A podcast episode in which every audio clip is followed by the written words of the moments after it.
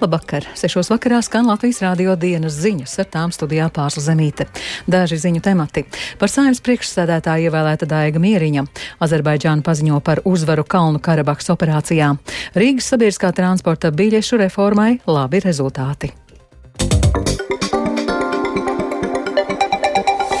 Par saimnes priekšsēdētāju ievēlēta deputāte Daiga Mieriņa no Zaļo un Zemnieku savienības. Par viņu nobalsoja 55 deputāti, pret bija 34. Mieriņa daudzus gadus bijusi Cernikavas novada domas priekšsēdētāja, bet 14. saimnes laikā līdz šim vadījusi saimas valsts pārvaldes un pašvaldību komisiju.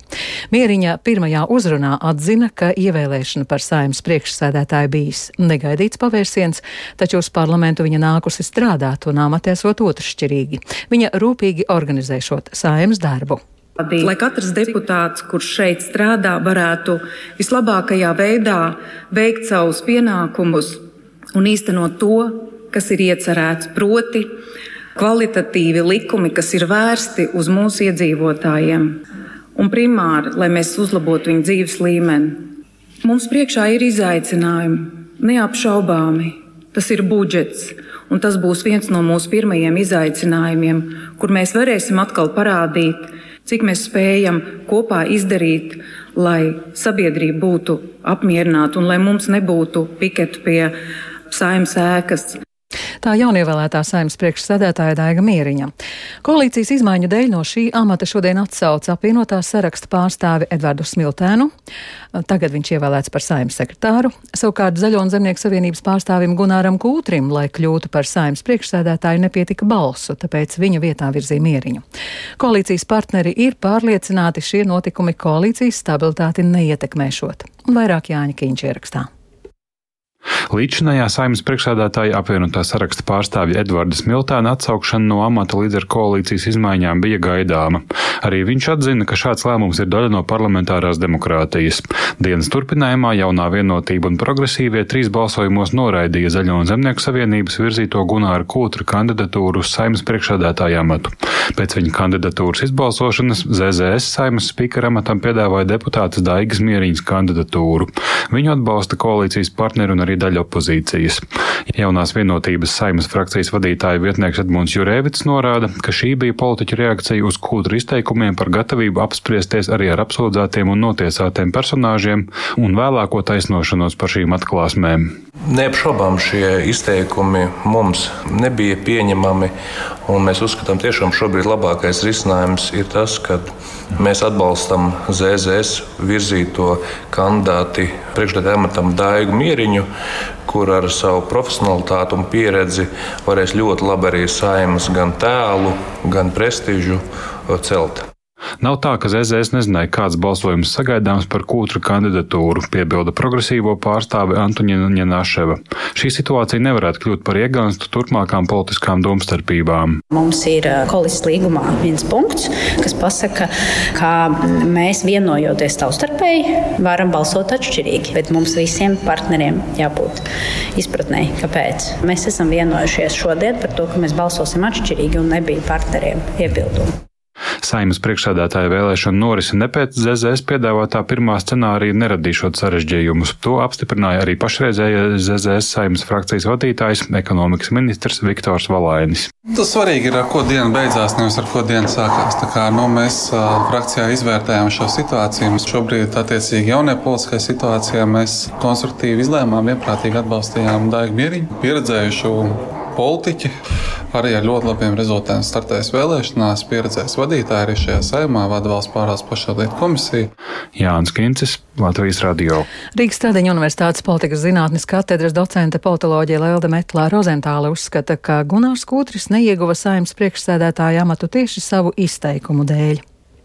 Šādā situācijā, protams, ka koalīcijas partneri nevarēja tiešām vairs Putra kunga neformāli jau apstiprināto kandidatūru, nevarēja tomēr akceptēt oficiāli balsojot, jo tādā gadījumā nu, tiešām ir diezgan grūti turpināt stāstu par to, ka mēs norobežojamies no Lemberga, ja faktiski viena no augstākajām amatpersonām saimnes priekšsēdētājs potenciālais pasaka, ka patiesībā viņš ne no kā nenorobežojas. Es domāju, ka ZZS šajā gadījumā nospēlēja tālāk ļoti gudru otru spēli. Proti, lai gan viņi apzinājās, ka šāds būs balsojuma rezultāts, viņi Kutra kunga kandidatūru nenoņēma no dienas kārtības. Tādā veidā viņi turpina šo savu pozīciju, ka viņi skaļi nenorobežojas ne no Lemberga kunga, ne pasaka, ka viņi nu, pārskata savus līdzšinējos uh, uzskatus. Viņi vienkārši nenosauc šo problēmu vārdā. Viņi tā kā ir, bet mēs par viņu skaļi nerunājam. Līdz ar to viņi saglabā savu ideoloģisko pozīciju, bet nu, skaidrs, jā, ka Kūtra kungs dēļ šiem izteikumiem, diemžēl, nu,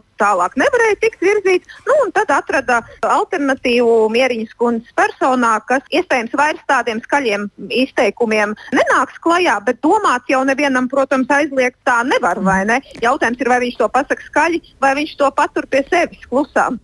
Koalīcijas stabilitāte netika ietekmēta, uzskata politoloģi, jo saimnes priekšsēdētāja amats Zaļo zemnieku savienībai palika, nomainot vienu personu pret citu. Uz papīra onkoloģija ir viena no prioritātēm veselības jomā, bet reāli valsts iespēju atklāt vēzi agrīni nenodrošina, un arī iespējas saņemt zāles visiem pacientiem nav vienlīdzīgas. Kompensējumu zāļu sarakstā ir tikai daļa vajadzīgo medikamentu, un pamatterapija nodrošināta tikai daļai diagnožu. Tā revīzijā secinājusi valsts kontrole, stāsta valsts kontrolas padomas loceklē Maija Āboliņa. Lai nonāktu līdz agrīnai diagnostikai, pacienta ceļš sākas ar ikgadēju profilaktisko apskati pie ģimenes ārsta, kas ģimenes ārsta pusē ietver arī noteiktu profesionālo standartu, kas šādas pārbaudas laikā viņam ir jāizveic. Un, uh, tas attiecas ne tikai uz onkoloģisku slimību diagnosticēšanu, bet vispār uz uh, tādu atbildīgu attieksmi pret savu veselību. Tur pacientu atsaucība ir ļoti zema. Revīzija liecina, ka šādas pārbaudas uh, ikgadēji tiek veikts vidēji 14% pieaugušu cilvēku. Tad uh, mūsu valstī tiek veikti četru veidu vēža skrīningi, kas ir arī būtībā profilaktisks pārbaudas, kuras veids cilvēkiem, kuriem nav nekādu ārēju vai sajūtamu pazīmi, ka viņiem varētu būt šāda slimība. Un arī šeit uh, problēma ir pacientu atsaucība ļoti, ļoti zema no 2% prostatas vēža gadījumā, tie labākie rādītāji zemes kakla vēža gadījumā 40%. Bet tas būtiski atpaliek no vispār tādiem labās prakses standartiem, kādai jābūt pacientu atsaucībai. Eiropa jau runā, ka līdz 2030. gadam ir jānodrošina 90% atsaucība, bet nu, tāds labs rādītājs jau būtu 70% zemes kakla un krūts vēža gadījumā un 35% prostatas un zarnu vēža gadījumā. Pacientam šīs iespējas valsts nodrošina, bet pacients šīs iespējas neizmanto. Un, attiecīgi, lai nodrošinātu, ka šī sistēma mums valstī darbojās efektīvi un cilvēku šīm pārbaudēm iet, ir jāstrādā veselības aprūpes sistēmai ar daudz lielāku slodzi attiecībā uz pacientu motivēšanu, un iesaisti un izglītošanu, kas dos atdevi ilgtermiņā. Azerbaidžāna ir paziņojusi par uzvaru tā dēvētajā pretterorisma operācijā Kalnu-Karabahā. Pēc aptuveni diennakti ilgām kaujām etnisko armēņu apdzīvotā reģiona faktiskā vadība un Azerbaidžānas varas iestādes ir vienojušās par uguns pārtraukšanu. Jau rīt sāksies sarunas par Kalnu-Karabahas pakāpenisku iekļaušanu Azerbaidžānas kontrolē. Armēnijas premjerministrs Nikols Pašiņāns ir paziņojis, ka viņa valdība nav piedalījusies vienošanās tapšanā un atkārtoja, ka Kalnu-Karabahā pašlaik nav arī Armēnijas armijas. Pašiņāns uzskata, ka atbildība par situāciju Kalnu Karabahā ir jāuzņemas Krievijas mieru uzturētājiem, kuri tur atrodas kopš 2020. gada.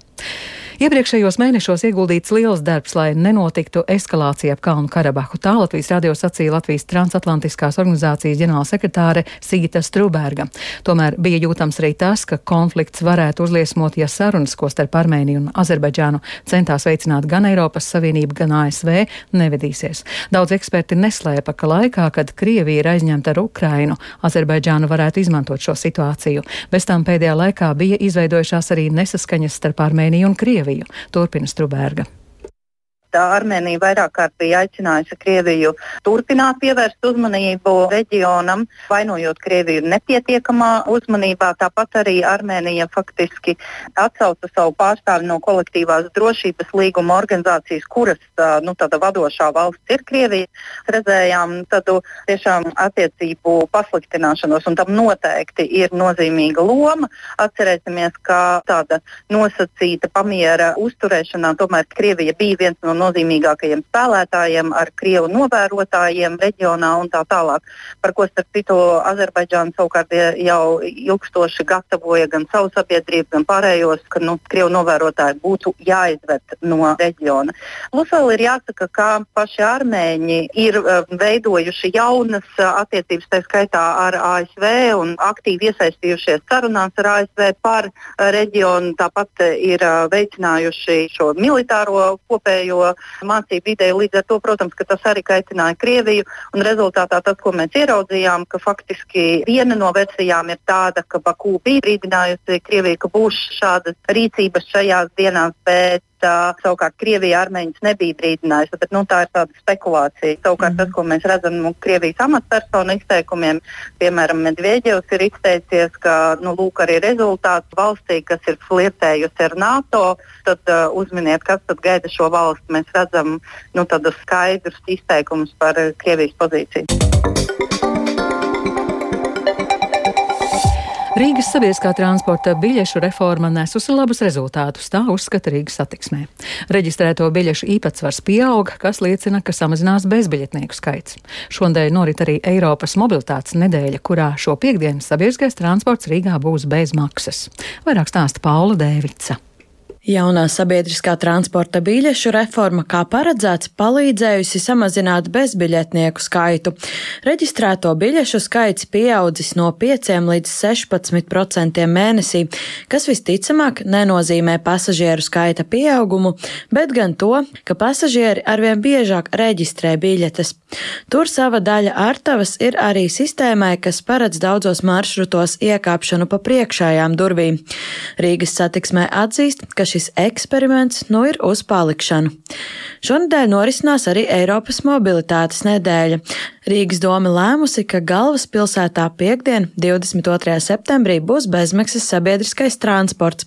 Tas pilsētā izmaksās nedaudz virs 120 tūkstošiem eiro, taču pilsētas mērs Vilnis Čirsis no jaunās vienotības tajā saskata ilgtermiņa ieguvumus. Tas ļaudis varētu motivēt arvien biežāk izvēlēties sabiedrisko transportu un savas automašīnas atstāt pie mājas. Rīgas satiksmē arī informē, ka pašlaik notiek sarunas, lai organizētu ērtāku pasažieru satiksmi no Rīgas lidostas.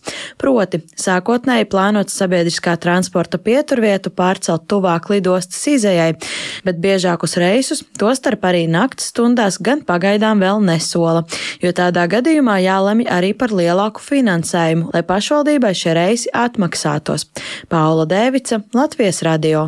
Un vēl par sportu. Volejbola sezona Latvijā šogad sāksies 30. septembrī, kad Daugavpilī tiks izspēlēts Latvijas superkauss gan vīriešiem, gan sievietēm. Par to šodien ziņo Latvijas Volejbola federācija. Viena no finālistēm sieviešu konkurencē būs Rīgas volejbola skolas komanda, bet viņu pretinieces noskaidrosies 26. septembrī, kad pusfinālā aizvadīs Jēlgavas un Rīgas Stradiņa Universitātes Mūrjāņu sporta ģimnāzijas volejbolistes. Vīriem superkausa duelis ir zināms, par trofeju cīnīsies Ezerzeme Daugavpilī. Daugavpils Universitāte un RTU robežsardze Jūrmala. Latvijas volejbola līgu direktors Edgars Zaiženīs Latvijas radio pastāstīja, ka Baltijas meistara līgā vīriem piedalīsies trīs Latvijas komandas, turklāt vērojama spēlētāja intensīvā izplūšana no Latvijas. Šogad Latviju pārstāvēs tāpat kā iepriekšējā gadā trīs klubi. Tas ir RTU robežsardze Jūrmala, Ezerzeme Daugavpils Universitāte un Jēkabils Lūši liels arī mūsu spēlētāju aiziešana uz ārzemju klubiem šogad. Bet precīzi nepateikšu, cik daudz, bet tiešām nu, diezgan. No tā paša RTU robežsardzes ir aizgājuši divi spēlētāji. Komandām ir problēmas tādā teikšu, ar sastāvu komplektāciju. Un ar to izskan Latvijas radio dienas ziņas. Producenta Vība Brēmze ieraksts montēja Ulris Grīnbergs par labskaņu jūpējās sievietes zvejniece. Ar jums runāja Pārsla Zemīte. Yeah. Latvijas vidus geoloģijas un meteoroloģijas centrs informē Rīgā 17 grādi dienvidrietumu vējš 4 m2, gaisa spiediens 760 mm, gaisa relatīvais mitrums 86%, bet kāds laiks gaidāms turpmāk prognozē Toms Bricis. Tuvākajās dienās laiks Latvijā atkal kļūs siltāks. Ceturtdien temperatūra lielākajā valsts daļā nedaudz pārsniegs 20 grādu atzīmi, kur zemes dienvidos līdz 24 grādiem, bet piekdien būs pat karsts - 22, 27 grādi. Saulaina diena, bet ar brāzmainu dienvidu austrumu vēju. Naktī uz sestdienu Latvija no rietumiem lēni šķērsos augstā atmosfēras fronte, tādēļ naktī kurzemē un valsts centrālajā daļā vietām gaidāms lietus ar negaisu, bet nakts vasarīgi silta - 14, 17 grādi. Dienā kurzemē vairs nebūs siltāks par 15, 17 grādiem, citviet 19, 24 grādi, daudziet īslaicīgas lietus gāzes un negaiss. Septembrim neierasts silts laiks turpināsies līdz pat mēneša beigām.